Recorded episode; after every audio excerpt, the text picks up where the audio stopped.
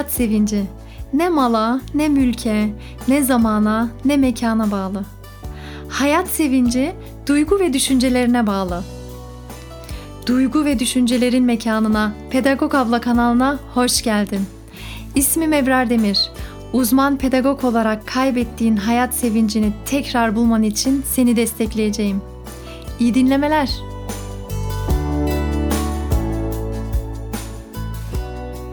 Bu hafta sonu sesim kısıldı, komple kısıktı. Bugün en iyi halim Allah'a şükürler olsun.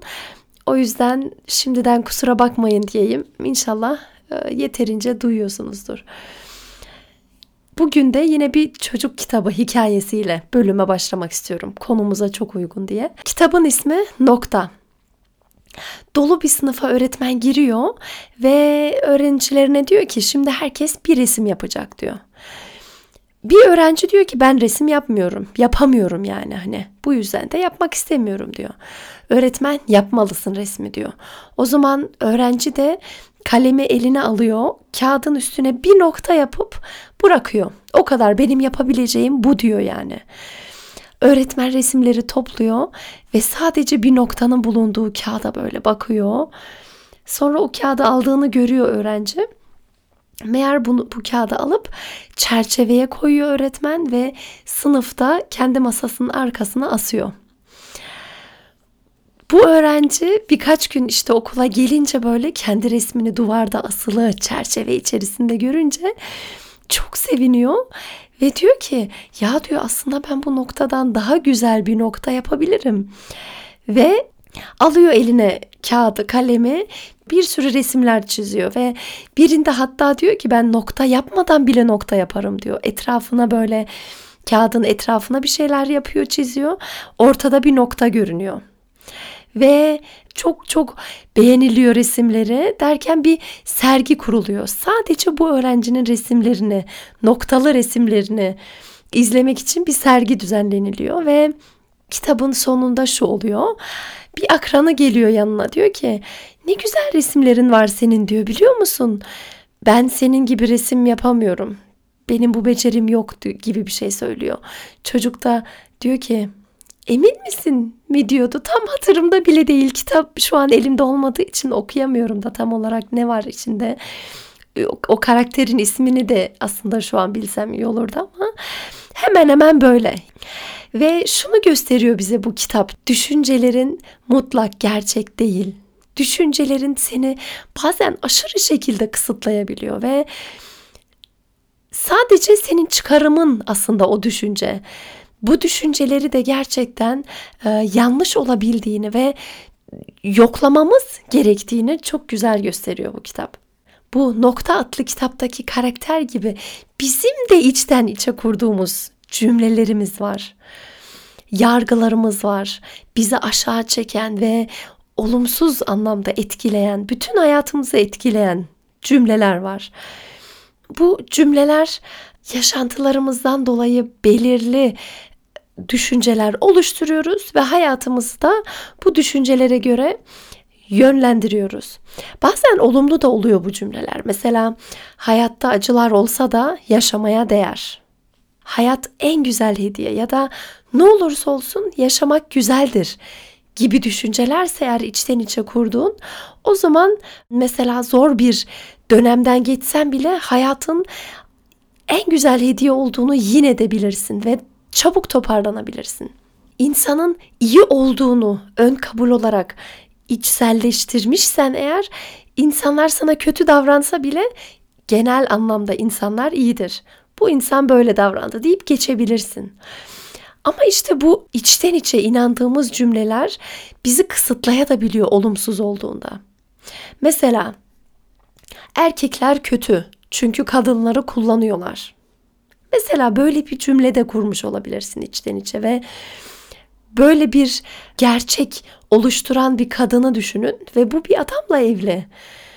Adam ne kadar iyi olursa olsun, dünyanın en iyi erkeği olsa bile bir kere erkekler kötü yapacak bir şey yok yani ne kadar iyi olursa olsun o bir kere erkek. O yüzden ne yaparsa yapsın sana yaranamıyor olabilir ya da ben dünyaya şanssız geldim. Herkes ne kadar şanslı.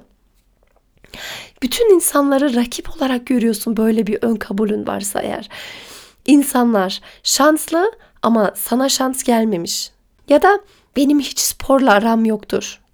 Belki bir spor alanı yapma. Mesela baskette hiç iyi değildir. Basketi yapmıştır ama böyle bir yargı oluşmuştur. Spor bana göre değil. Oysa hiç alakası yok ya da ben aslında hiçbir bir işe yaramıyorum. Ne yaparsam yapayım bir işe yaramıyorum. O kadar zor ki bu da yani ne yaparsa yapsın kendisine yaranamıyor. Çünkü bir kere bir yaşantıdan sonra bu yargıyı kurmuş. İşe yaramayan birisiyim. Ben ne yaparsam yapayım. İçten içe böyle yargılar kurabiliyoruz ve hem kendimize hem de etrafımızdaki insanlara da eziyet ediyoruz. Ben de çok iyi hatırlıyorum. 7. sınıfta başladı bu bende. Bingöllü olduğum için, Kürt olduğum için kendimi eksik, tam olmamış, ikinci sınıf olduğuma inanmıştım. Böyle birisi nerelisin diye soracak diye çekiniyordum. Çünkü ben cevap verdiğimde bana tuhaf tuhaf bakacak diyordum. Tabii o zamanlar çok fazla medyada bir kışkırtan şeyler yaşanıyordu ve gerçekten halk da buna inanıyordu yani. Kürtler kötü benim bir arkadaş demişti ki Aa ne kadar özgüvenlisin. Bingöllü olduğunu söylüyorsun. Kürt olduğunu kabul ediyorsun. Bizim orada küfür olarak kullanırlar. Gibi bir cümle kurmuştu mesela ve çocuk yaşlarında savunamıyorsun da. Diyemiyorsun da dur bakalım ya sen ne diyorsun orada? Allah yaratmadı mı? Allah her insanı aynı yaratmadı mı? Sen daha mı değerli olduğunu düşünüyorsun? Diyemiyorsun. O an yıkılıp kalıyorsun diyorsun ki Allah Allah başkalarının küfür olarak kullandığı şey sende var gibi düşünceler başlıyor o zaman ve bu yaşantıdan dolayı da gerçekten kötü olduğuna inanabiliyorsun. Çok fazla sürmedi bende Allah'a şükürler olsun. Çünkü bilinçli bir aile içerisindeydim, bir ortam içerisindeydim. Bu şekilde atlatması çok zor olmadı Allah'a şükür.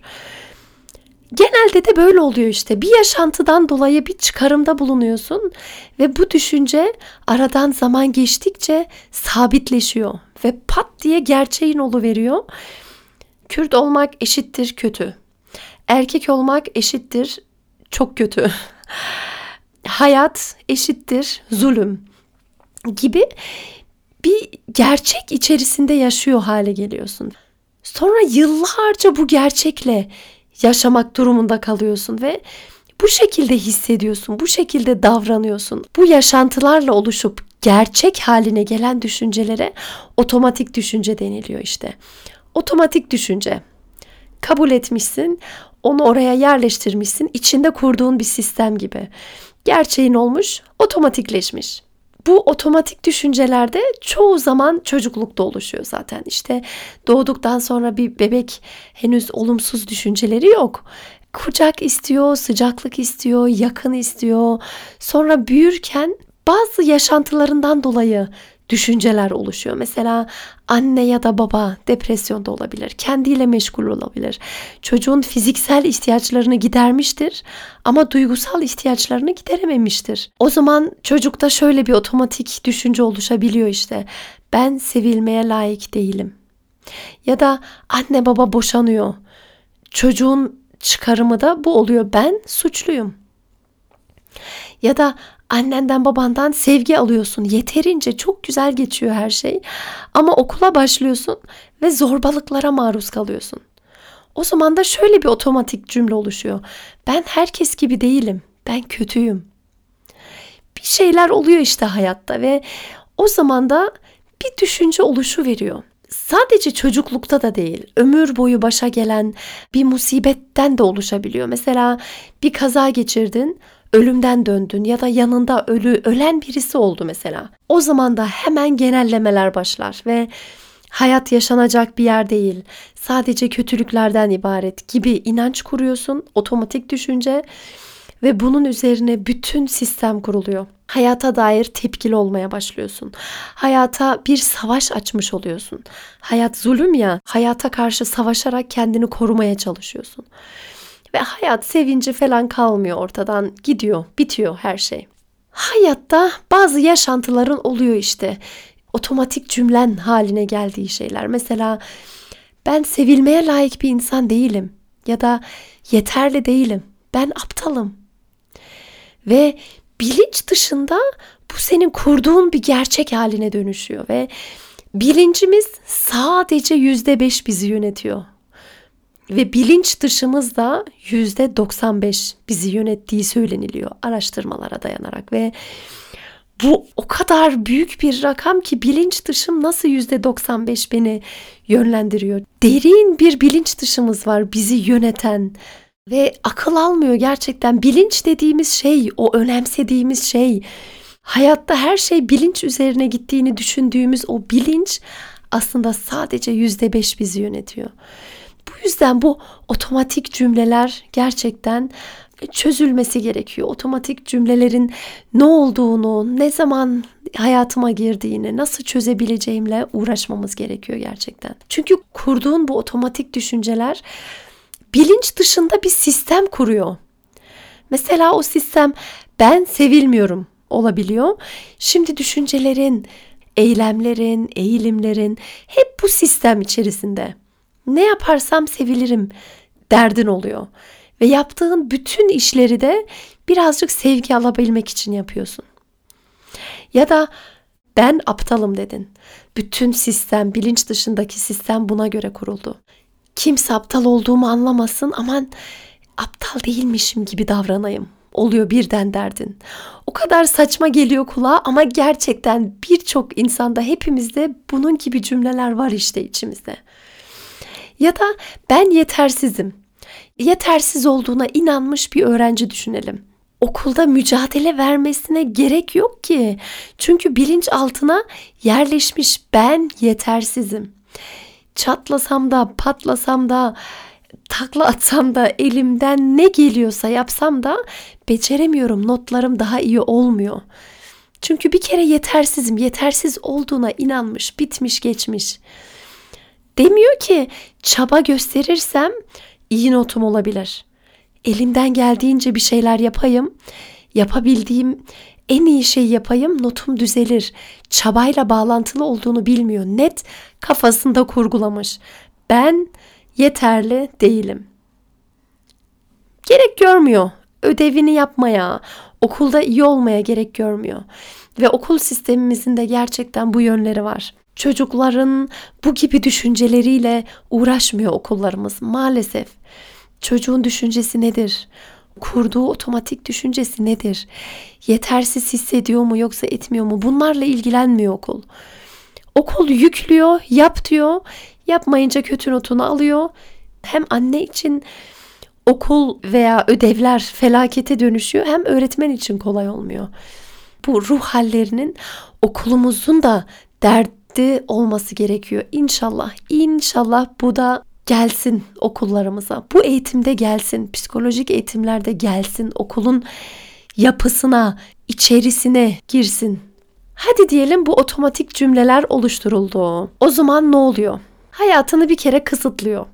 Başka insanlarla veya hayata dair başka insanlarla aranı bozuyor belki. Belki hayata dair düşüncelerin çok kötü olduğu için hayatla barışamıyorsun veya birçok alanda senin hayatını kısıtlıyor.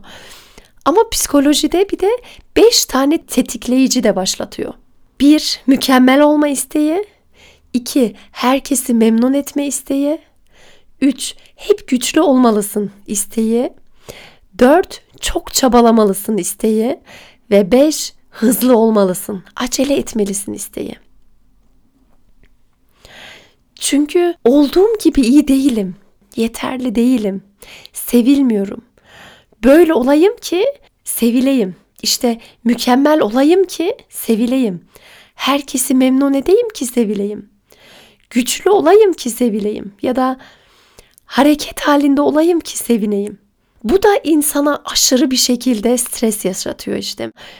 Düşünsene sevildiğini bilsen oturacaksın, rahat edeceksin. Ama sevilmediğine inandığın için sürekli sevgi peşindesin. Ben yapayım, beni sevsin. Bunu da yapayım, beni sevsin. Bu yüzden de bu aşırı stresli yaşatan durumdan kurtulmamız için de bu otomatik düşüncelerden kurtulmamız gerekiyor. Bu düşünceleri çözmemiz gerekiyor. Çözmek zorundayız. sadece bir anın değil yılların bu şekilde geçiyor.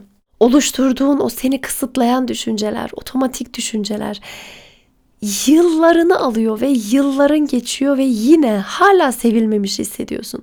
Hala yetersiz hissediyorsun. Hala aptal olduğunu düşünüyorsun. Bu yüzden bir an önce gerçekten çözülmesi gerekiyor. Ama sıkıntı bu işte kolay kolay çözemiyorsun da. Çözmesi hiç kolay değil. Çoğu zaman terapi gerekiyor, düşünmen gerekiyor, danışman gerekiyor. Kendini daha yakından tanıman gerekiyor ve geçmişteki yaşantılarını da affetmen gerekiyor. Kabul etmen gerekiyor. Ya bu otomatik düşünceleri çözmeyi zorlaştıran bir de böyle bir şey var. Bilincimiz hayatta kalmamızı istiyor. Her şeyi olduğu gibi sürdürmemizi istiyor. Konfor alanında kalalım, rahatlığı sürdürelim. Rahatlık değil aslında ama onu fark etmiyor. Yani bildiği şey ya, bildiği şey aynı tas aynı hamam devam etsin istiyor. Ve şimdiye kadar inandığım cümlelerden vazgeçtiğimde ne olacağını bilmiyorum. Hiçbir şey yapmasam da seviliyorum demek bu benim sistemime uymuyor. Çünkü ben şimdiye kadar inandığım cümlelerden vazgeçtiğimde ne olacak ki bilmiyorum. Ben sevilmediğime inanıyorum ve sevilmek için en azından çaba gösteriyorum ve aradığım şeyi az az buluyorum mesela ya da bulamıyorum ve sinirleniyorum. Ama bu benim bildiğim şey. Bilmediğim şey nasıl olacak? Nasıl yani? Ben hiçbir şey yapmayacağım ve kendi kendime sevildiğimi bileceğim. Bu olmaz ki, bu mümkün değil ki. Yani ben şimdiye kadar böyle bir şey görmedim. Bu yeni bir sistem. Bu sistem gelince nasıl olacak? O zaman artık hiç sevilmem. Yani anlatabiliyor muyum? Komple sistem değişiyor ve bu sistem neye doğru değişecek? O belirsizlik de stres yapıyor. O yüzden bilincimiz de bunu riske atmak istemiyor olabilir. O yüzden eski tas eski haramam devam edelim diyor olabilir. Ama otomatik cümlelerden kurtulmamız gerekiyor. Çöz, çözmek gerekiyor. Hayatımızı daha fazla kısıtlamaması için, bize daha fazla çile çektirmemek için gerçekten çözmemiz gerekiyor. Çözebilmek için bugün 5 adım önereceğim. Birincisi otomatik cümlelerinin ne olduğunu tanımaya çalışmalısın. Zaten en zoru da bu. Bilmiyorsun, bilinç dışında olan bir süreç olduğu için ne yapabilirsin? Mesela arkadaşlarınla konuşurken kurduğun cümleleri dikkat edebilirsin. Mesela ben zaten gelsem her şeyi mahvederim gibi cümleler kullanıyor musun? Ya da erkekler zaten ezmek için yaratılmıştır. Erkek dediğin nedir? gibi cümle kullanıyor musun? Ya da hayat bitse de kurtulsak bu çileden gibi cümleler kullanıyorsan o zaman bunlar senin otomatik düşünce yapın olabilir. Büyük ihtimalle de öyledir zaten. İkincisi bulduğun, keşfettiğin, kullandığın bu cümleler seni kısıtlayan cümleleri kağıda dökmelisin. Yazmalısın. Ve yazdıktan sonra belki tek tek şunları da düşünebilirsin. Acaba bu düşünce ne zaman oluştu bende? Hangi yaşantım oldu da bu düşünceyi ben gerçek olarak kabul ettim? Biraz böyle e, bu cümlelerle gerçekten uğraşman gerekiyor. Üçüncü adım bu oluşturduğunuz otomatik cümlenin tam zıttığını yaşadığın anları bul ve bunları resimlerle kanıtlamaya çalış. Mesela sevilmediğinden, sevilmeye layık olmadığı birisi olduğundan eminsen eğer o zaman sevildiğin anları düşün. Mesela bebekken annenin seni kucağında tuttuğunu düşün ya da yaşantı bir arkadaş olabilir, etrafında iyi insanlar olabilir. Onlarla o kısa da olsa o aldığın o sevgiyi düşün. Çünkü insan bir şeyden eminse mesela sevilmediğimden eminsem hep o sevilmediğim anları destekleyici olarak alıyorum kendime ve o şekilde sürdürüyorum hayatımı. Bu üçüncü adımda da tam tersini kanıtlayan resimler oluştur, yaşantılarını düşün. Ve benim aklıma genelde Kur'an'daki bir sure geliyor aklıma. İnşirah suresi. Peygamber Efendimiz sallallahu aleyhi ve sellem çok kötü hissederken orada Allah nasıl e, onu teselli ediyor? Aslında bizi de öyle teselli ediyor. Adeta sevdiğini söylüyor gibi.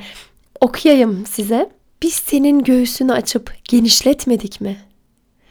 Belini büken yükünü senden alıp atmadık mı? Senin şanını ve ününü yüceltmedik mi? Elbette zorluğun yanında bir kolaylık vardır. Gerçekten zorlukla beraber bir kolaylık daha vardır. Boş kaldın mı hemen başka işe koyul ve yalnız Rabbine yönel. Sen şimdi hep sevilmediğine mi inanıyorsun? Bak Allah sana aslında sevgisini bu şekilde de gösteriyor. Sen diyor kapanan kapılar olabilir. Düşmüş olabilirsin. Ama şunu unutma diyor. Zorluğun yanında kolaylık da vardır diyor. Ben diyor bazı kapıları kapatırım belki ama sana açtığım kapılar da olacak diyor. Hiç kimse beni sevmese bile Allah'ın bana sevgisi bir kere çok çok büyük. Bana büyük sorumluluklar vermiş, beni en güzel şekilde yaratmış ve beni bana bu dünyada yaşama imkanı vermiş. Bu bile sevildiğimi gösteriyor bana ve dördüncü adımda gözünde canlandır. Hayal kur. Mesela otomatik cümleyi sürdürürsem nasıl bir yaşamım olur? Bunu gözünde canlandır, hayalini kur. Mesela otomatik düşünceyi sürdürsem nasıl yaşarım? Yaşamım nasıl olur? Ve artık sürdürmesem hayatım nasıl ilerler? Yaşantılarım nasıl olur? Bunları gerçekten gözde bir canlandırmaya değer. Çünkü bunlar sana net göz önüne seriyor. Bak otomatik cümlelerini sürdürürsen mesela sevilmediğine inanıyorsan herkesle kurduğun ilişkide sevgi beklersin mesela. Sevgi dilencisine dönersin. Özgür olmazsın. Alıngan olursun. Ufacık şeylerde bile sevilmiyorum ben zaten deyip köşeye çekilirsin ve güven duygun da oluşmaz. Ve hatta hayat sahneleri bile canlandırabilirsin gözünde. Şimdiye kadarki yaşantında nasıldı? Bu yaşantıları geleceğe de düşünebilirsin. Böyle mi istiyorum ben diye. Peki sevildiğini biliyorsan, böyle bir otomatik düşünce oluşturduysan, o zaman nasıl ilerler hayatın, nasıl yaşantıların olur? Düşünsene, olduğun gibi iyi oluyorsun. Aa, hiçbir şey yapmama gerek yok sevilebilmek için. Sevilmem için mükemmel olmana gerek yok. Herkesi memnun etme çabalarını artık bırakabilirsin. Hep güçlü olmama da gerek yok. Çabalamama da gerek yok. Allah beni nasıl yarattıysa öyle iyi oluyorum. Ve estetik ameliyatlara gerek yok. Aşırı makyajlara gerek yok. Çünkü ben o değilim. Ben buyum ve ben olduğum gibi iyiyim. Ve bu şekilde aileme gitsem, bu şekilde arkadaşlarımla buluşsam, bu şekilde toplantılara gitsem, işe gitsem ne kadar değişik bir insan olurum ben. Bu düşünceleri de göz önüne getirince o kadar iyi gelecektir ki ve beşincisi de bu iki durumu karşılaştır. Olumsuz otomatik düşünceyi sürdürsem nasıl olur? Ya da olumsuz otomatik düşünceyi durdursam, değiştirsem, olumluya çevirsem nasıl olur? Ölç, tart, biç ve sevilmeme duygusuna bak ve sevilme duygusuna hangisini hayata geçirmek istiyorsun? Zaten gözünde canlandırdın. Hissettiğin cevabı kolayca verebileceksin. Çünkü gözünde canlandın, nasıl hissettiğini hissetmiş oldun. Ve buna bağlı bir karar vermek e, daha kolay olacaktır inşallah. Kısaca bir tekrarlayalım. Bilinç dışı otomatik düşüncelerini tanımaya çalış. 2. Bu cümleleri tek tek yaz. Ne zaman oluştuğu hakkında da düşün yazarken. 3. Eğer olumsuzsa otomatik düşüncelerin bu olumsuzları al ve zıtlarını yaşadığın anı bul ve bunları kanıtla. 4. Olumsuz otomatik düşünceyi sürdürürsem neler yaşayabilirim? Bunu hayal et ve olumlu otomatik düşünceyi sürdürürsem o zaman nasıl bir yaşantım olur? Bunu düşün ve 5 olumsuz otomatik düşünceyi olumluya değiştir. Hapisten çıkmış gibi, işkencenin bitmesi gibi hissedeceksin. Tabii ki eski sistem tekrar tekrar gelecektir. Tabii ki pat diye bugünden yarına oluşmayacaktır ama bu durumların farkına varman bile şifa olacaktır. Çünkü ne olduğunu bileceksin ve süreci anlayacaksın ve anladıktan sonra da değiştirmek biraz daha kolaylaşacaktır inşallah.